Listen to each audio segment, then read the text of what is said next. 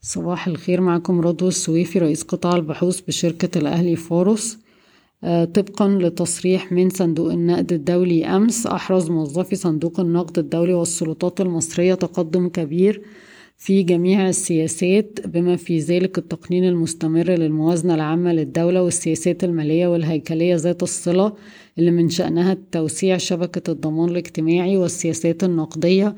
ومرونة سعر الصرف التي من شأنها أن ترسخ توقعات التضخم وتحسن انتقال السياسة النقدية للاقتصاد بشكل عام كما أنها سوف تحسن أداء سوق الصرف الأجنبي وتعزيز مرونة الموقف الخارجي لمصر.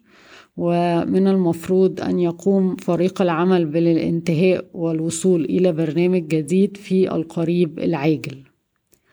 سجلت مصر فائض أولي بنسبة 11 من مية في المية من الناتج المحلي الإجمالي في الربع الأول من العام المالي 22-23 ستقدم المنطقة الاقتصادية لقناة السويس خدمات جديدة للسفن مثل التزويد بالوقود والتموين بدءا من الربع الأول من 2023 صندوق دي بي آي البريطاني بيدرس فرص استثمارية في مصر في قطاعي التجزئة والسلع الاستهلاكية باستثمار 150 ل 200 مليون دولار.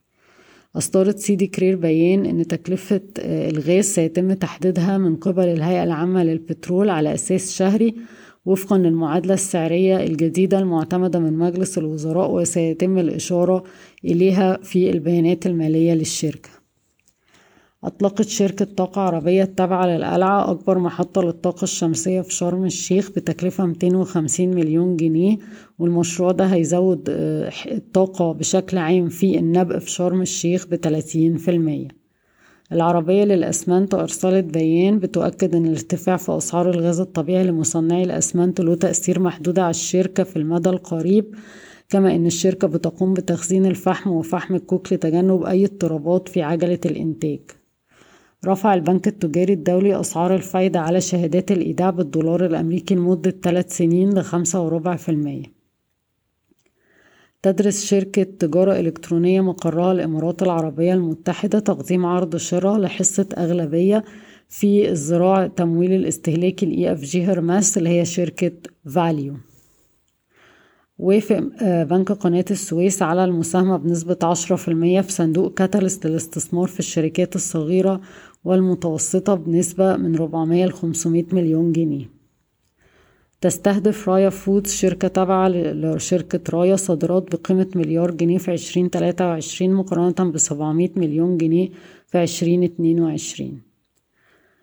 Speed Medical سجلت صافي خسارة ستة وتلاتين مليون جنيه مصري في الربع التاني من اتنين وعشرين السبب الرئيسي للخسائر. هو الانخفاض الحاد في الإيرادات بعد انتهاء الإيرادات اللي ليها علاقة بالكورونا وتحاليل الكورونا والشركة في انتظار موافقة الهيئة العامة للرقابة المالية على زيادة رأس مال بمية وعشرة مليون جنيه.